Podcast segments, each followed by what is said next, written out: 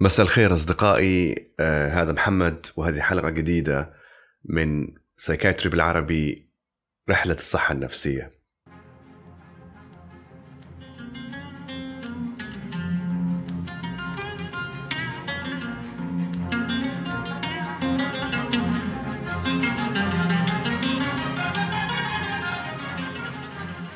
آه، في البداية حابب أشكركم على تفاعلكم وعلى الأسئلة اللي وصلتني وعلى البعض اللي شاركوني قصصهم.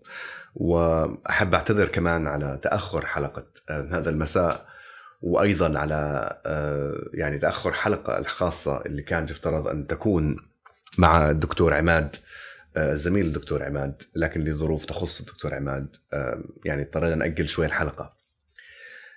وصلنا إلى الآن في هذه الرحلة إلى الحديث أو ما زلنا نتحدث عن الاضطرابات العصابية. وغطينا معظم هذه الاضطرابات. آه، في الحقيقة باقي موضوعين مهمين بنتحدث عنهم. واحد منهم في هذه الحلقة واللي بيتناول آه، مجموعة من الاضطرابات النفسية اللي تعبر عن نفسها بأعراض جسدية وتشكل عبء كبير على كثير من الناس ومعاناة. وهذا موضوع شوية طويل وبناقشه في حلقتين. آه، بعد كذا بيكون في حلقة خاصة عن الإدمان و علاقته بالاضطرابات النفسية واللي ممكن تكون آخر حلقة في هذه سلسلة الاضطرابات العصابية. قبل ما نبدأ بالاضطرابات الذهانية زي الشيزوفرينيا أو اضطراب ثنائي القطب وغيرها من الاضطرابات.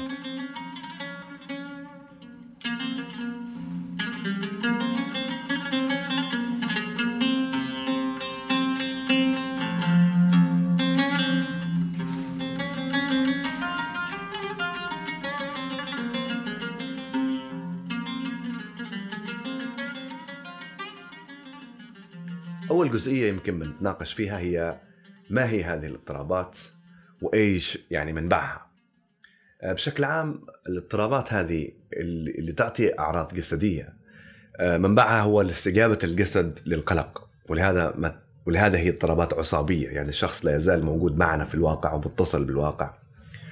مرتبطة بالقلق ويمكن تجربة كثير من منا بالذات من العام 2011 واضطرنا للهجرة يمكن أو واللجوء. وكثير من العرب اليوم موجودين في دول مختلفة من العالم بسبب تغير كبير في حياتهم. هذا يشكل قلق وهذا القلق أحيانا ينعكس على شكل هذه الاضطرابات. يمكن أول مثال يخطر على بالي هو اللجوء واللي أصبح مشكلة كثير من الناس العرب منذ 2011 وبعض الأحداث اللي حصلت في الدول العربية. وهذه الاضطرابات منشأها هو الاستجابة للقلق الشديد أو الوضع المقلق بشكل كبير اللي يعمل حالة كبيرة من الاسترس فيستجيب ال ال ال الإنسان أو يستجيب جسدنا آه، بطريقة معينة بعدة طرق. تكلمنا على بعضها من قبل مثلا زي اضطراب القلق العام أو اضطراب ما بعد الصدمة. بس أيضا أحيانا تكون الاستجابة عن طريق أعراض جسدية في الحقيقة. تؤرق الشخص ويعني وتشكل له حالة يعني مشكلة كبيرة في آه، في متابعة حياته. يمكن أول علامة لهذا لهذه الاضطرابات هو إنه دائما في مسبب واضح يعني آه، صدمة حاصلة في حياة الشخص أو مثلا لجوء أو انتقال أو شيء وتسبب لهذا الشخص حالة من القلق ترتبط بهذه الحالة من القلق الأعراض اللي يعاني منها الأعراض الجسدية طبعا إيش ما كانت. آه، في اليوم بكلمكم عن في في عدة أنواع بس في نوعين رئيسيين مهمين. أول نوع باللغة الإنجليزية يطلق عليه ال conversional disorder اللي هو آه، موضوع حلقه اليوم.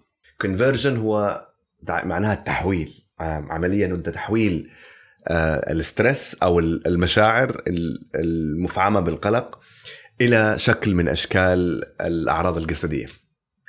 و هذا النوع آه، جدا شائع أكثر ما, ما ما نتخيل يعني. هذا نوع بنتكلم عنه. النوع الثاني أيضا المهم اللي هو بالإنجليزي يطلق عليه اسم السوماتوفوم. سوماتوفوم يعني آه، فوق يعني آه، سوما يعني جسد. وهذه مجموعة من الاضطرابات أيضا تعبر عن شكلها أو عن نفسها جسديا. بس تختلف عن النوع الأول بنوعية هذه الاضطرابات الجسدية أو الشكوى الجسدية. يعني نوع شوية مختلف متعلق أكثر بيمكن الأجهزة أو الأعضاء اللي في الجسم اللي اللي هي ذاتية يعني ذاتية العمل اللي إحنا ما نتحكمش فيها بشكل مباشر. بينما الاضطرابات من النوع الأول غالبا تكون في أحد أعضاء أو أجهزة الجسم اللي أنت تتحكم فيه مثلا الحركة أو أو الإحساس. وبنتكلم عنهم وإن شاء الله بيبين الفرق بينهم. وهذا النوع هو موضوع الحلقة القادمة.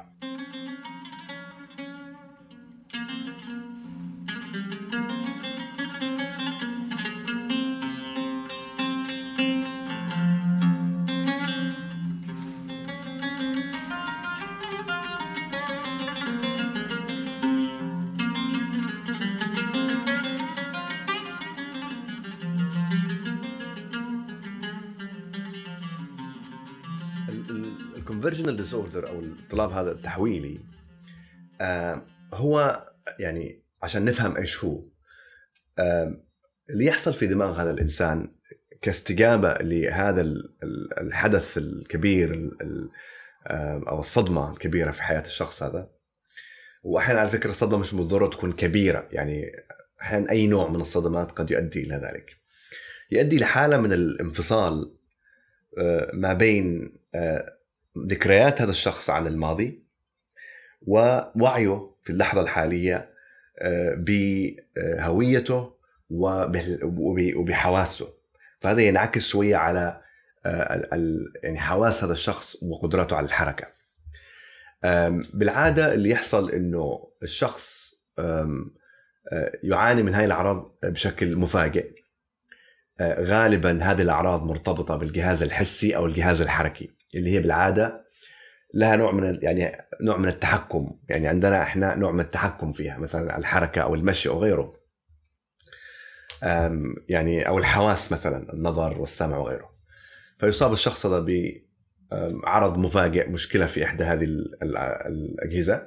مثلا يعني بحاله شلل مؤقت أو فجأة ما يكونش قادر إنه يسمع أو أو يرى أو أو يعني زي ما شفنا أما متعلقة بجوانب الحسيه الإحساس سواء في الجلد أو في الحواس أو في جهاز الحركة المشي أو يعني آه، تحريك الأجزاء الجسد المختلفة. وتحصل بشكل مفاجئ وغالبا تكون مرتبطة بحدث حاصل آه، له آه، دواعي أو تداعيات نفسية قلقية. يعني نفترض مثلا إذا وهذا مثال نفترض إنه في شخص مثلا رياضي ومقبل على بطولة جدا مهمة وهذا الشخص مثلا نقول رياض الجري مثلا.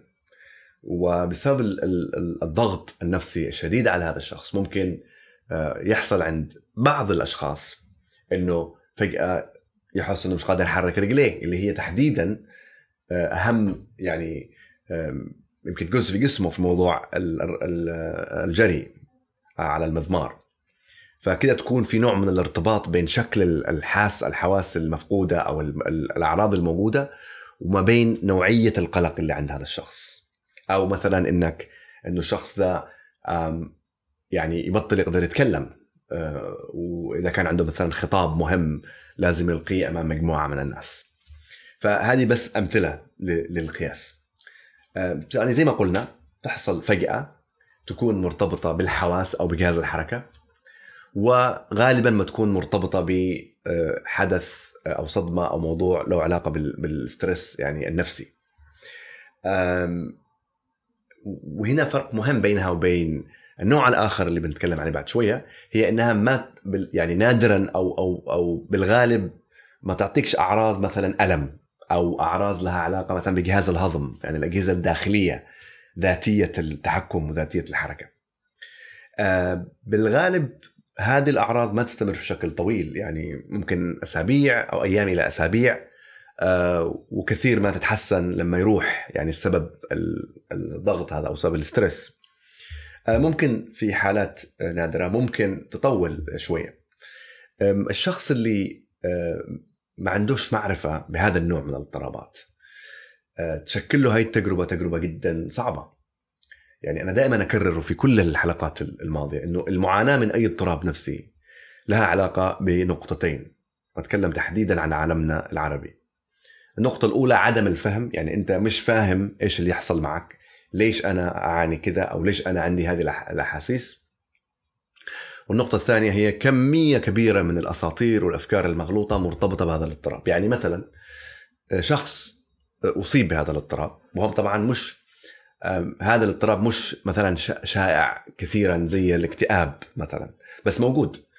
آه، الحكم من من الناس يكون إنه هذا الشخص آه، يختلق الأعذار آه، ما عندوش همة ربما شخص ضعيف مش قادر يواجه الحياة أو مش قادر يواجه التحديات أو إنه يدعي المرض علشان يتهرب من هذه الالتزامات. وهذا الكلام جدا قاسي وقد يعني وقد يقوله الشخص لنفسه إنه أنا ليش حصل معي كذا؟ لأنه اللي يحصل معاهم إنه نرجع مثال العداء هذا اللي فقد القدرة على الجري. آه، بالعادة يذهبوا إلى المستشفى ويأخذوه من المستشفى وتكون الفحوصات طبيعية. يعني لا يوجد أي مشكلة جسدية واضحة آه، في جسد هذا الشخص. آه، قد تكون مسببة لهذا الشلل المفاجئ. فلهذا يبدأ الإنسان يحتار إنه طيب إذا أنا جسديا ما فيش عندي مشكلة. طيب ليش ليش أنا مش قادر أحرك رجلي مثلا؟ ويكون في يعني أحكام مسبقة وجادجمنت من الناس. هذه تسبب معاناة. والشيء الثاني لأنك مش فاهم هذه الديناميكية اللي تكلمنا عليها ما بين الجسد ونفسية الإنسان اللي هم في الحقيقة شيء واحد. يبدأ الإنسان في حالة من القلق لأنه يبدأ يقول أنا مثلا فقدت بصري بشكل مفاجئ أو فقدت القدرة على الحركة بشكل مفاجئ اذا أنا أكيد مصاب بموضوع خطير جدا بينما يكون الأمر أصلا نفسي. طبعا من الأشياء اللي تستثنى آه، هو الإدعاء. في ناس فعلا ممكن يدعي المرض يعني حقيقه. بس اللي تنبه له إنه كأطباء من السهل في أغلب الوقت يعني 99% من الوقت إن إحنا نفرق بشكل واضح ما بين ال conversion disorder أو الاضطراب هذا التحويلي اللي بالنسبة للمريض هو فعلا يعني هو فعلا مش قادر يحرك رجليه. وما في سبب جسدي معين كاستجابة للقلق. وبين شخص يدعي هذا الشيء. يعني الموضوع سهل التفريق لأنه أنا مش حد آه، يخلط ما بين الادعاء اللي هو فعلا ادعاء وجود أعراض وما بين هذا الاضطراب. ففي في قدرة بالعادة عند الأطباء على التمييز بين الاثنين ويعني هذا يمكن الأطباء آه، بشكل عام والأطباء الاختصاص بشكل خاص آه، أكيد يعني فاهمينه. عشان أوضح الصورة أكثر في هذا الاضطراب في عدة أمثلة ممكن نتكلم عنها. زي اللي ذكرت لكم إياها. اللي لها علاقة بالحواس أو الجهاز أو الإحساس يعني في الجلد مثلا أو اللي له علاقة بجهاز الحركة. بس كمان في في آه، يعني يمكن آه، أمثلة أخرى أكثر ندرة. مثلا بعض الأشخاص ممكن يصاب بتشنجات تشبه الصرع ويكون ما فيش أي سبب يعني جسدي وما يكونش الشخص هذا مدعي ويكون يمر زي ما قلنا في ذيك اللحظة بستريس كبير جدا. وهنا يتم التشخيص آه، بوجود هذه الاضطرابات. كمان آه، في أشخاص ممكن يعاني آه، من ممكن تكون خليط خليط من مجموعة من الأشياء. يعني إنه مثلا حاسة السمع فجأة الشخص هذا يحس إنه في عنده مشكلة في حاسة السمع مش قادر يحرك مثلا إحدى أطرافه. هذه طبعا أمثلة نادرة بس أتمنى تكون الصورة يعني توضحت بشكل عام. بالنسبة للإضطراب النوع الثاني اللي هو السوماتوفوم آه، فبخليه للحلقة الجاية لأنه يعني مشيش الحلقة هي تطول بشكل كبير. هو في في بينهم شبه بس في اختلاف جوهري آه، من بينه الحلقة القادمة. اذا خليني بس ألخص بسرعة. يعني الإضطرابات اللي حاولت أكلمكم عنها اليوم هي اضطرابات بشكل عام هي استجابة جسدية نفسية إلى للقلق للستريس. أحيانا يكون ال stress هذا مرتبط ب life events أحداث كبيرة حصلت في حياة الشخص أو تغيرات كبيرة. وأحيانا يعني مش لازم تكون الأحداث هذه كبيرة جدا لكن هي حسب الشخص. بس ممكن تكون يعني أحداث لها علاقة بضغوط نفسية أو stress يستجيب فيها الجسد أو أو أو آه، تعبر عن نفسها بشكل جسدي. وقلنا في نوعين آه، في أنواع متعددة بس يعني في نوعين كبيرين خلينا نقول. النوع الأول اللي سميناه الكونفرجنال أو اللي هو التحويلي يعني أنت إنه الإنسان يحول هاي الضغوط اللي عنده إلى أعراض نفسية. وقلنا كثير ما يكون مرتبط بأجهزة الجسد اللي اللي أنت تتحكم فيها يعني الحواس مثلا أو حاسة يعني أو الإحساس في الجلد أو جهاز الحركة. وغالبا تحصل الاعراض فجأة بدون سابق إنذار. وتكون مرتبطة في لحظة أو أو بالحالة النفسية للشخص في ذاك الوقت وجود ال stress وما يكونش في أي دليل جسدي إنه في أي مشكلة عند هذا الشخص وتسبب له كثير من من الضغوط وال stress. النوع الثاني اللي سميناه somatoform فهذا بيكون آه، موضوع الحلقة القادمة إن شاء الله. آه، هذين الاضطرابين يعني يسببان حالة كبيرة من من القلق للإنسان ويأثران على حياته وزيهم زي بقية الاضطرابات النفسية مرتبطين بكثير من الوصم وبكثير من الأفكار الخاطئة آه، كاتهام الإنسان بأنه ضعيف أو ما عندوش القدرة على مواجهة الضغوط أو الادعاء والتهرب من المسؤوليه. من الطبيعي إنه لما يحصل آه، اضطراب آه، أو صدمة معينة لنقل حادث ما أو فقدان شخص عزيز الإنسان يكون في عنده استجابة وقبل ما أروح للجزئية الأخيرة اللي هي جزئيه العلاج والتعامل مع هذه الأشياء وهذا يكون استجابة طبيعية استجابة عن طريق القلق لهذا الحدث المقلق لفترة وتروح. في آخر جزئية زي ما عودتكم نتكلم عن حول التعامل مع هذه الاضطرابات. آه، لكن آه، بخلي هذه الجزئية للحلقة القادمة. عشان بس ما تكونش الحلقات طويلة كثير. آه، بس هنا بس بسرعة بذكر السيستم أو الخطة العلاجية اللي دائما إحنا نتناقش فيها وتكلمنا فيها في كل الحلقات الماضية. اللي هي باختصار إنه أول شيء تعرف إنه اللي عندك هذه هل هي أعراض عادية؟ زي ما الآن أسلفت. أو هل هي مرض؟ بعدين تطلب العون. وهنا تطلب العون من طبيبك الطبيب النفسي. الطبيب النفسي يعمل التحليل المناسب. بعدين زي ما قلنا العلاج يعتمد على شيئين تعامل مع التفكير من خلال المعالجة النفسية أو العلاج بالكلام. هنا يجي المعالج النفسي. زائد تعديل كيمياء الدماغ اللي يكون بالأدوية. أك بفصل أكثر في الحلقة القادمة لأنه مش حابب حلقة اليوم تطول أكثر من ذلك. في نهاية الحلقة آه، أحب للمرة الثانية أشكركم على تفاعلكم.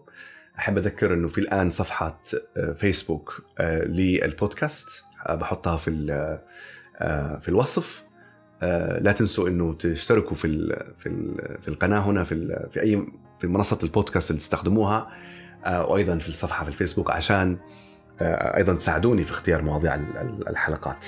حلقة الحلقة الخاصة مع زميلي الدكتور عماد اللي بيكون فيها نقاش حول الاضطرابات العصابية تأجلت شوية لأسباب تخصه ولكن إن شاء الله هي جاية في الطريق أنا كذا خلصت. ورسالتي لكم بالأخير إنه لما تحس إنك بحاجه بحاجة للمساعده لا تتردد في طلب المساعدة آه، لأنه هذا هو الخطوة الأولى اللي ممكن تخرجك من معاناة استمرت لشهور أو سنين طويلة. أقول لكم مساء الخير أو صباح الخير أينما كنتم آه، وإلى أن أتحدث معكم في الحلقة الجاية تحياتي لكم.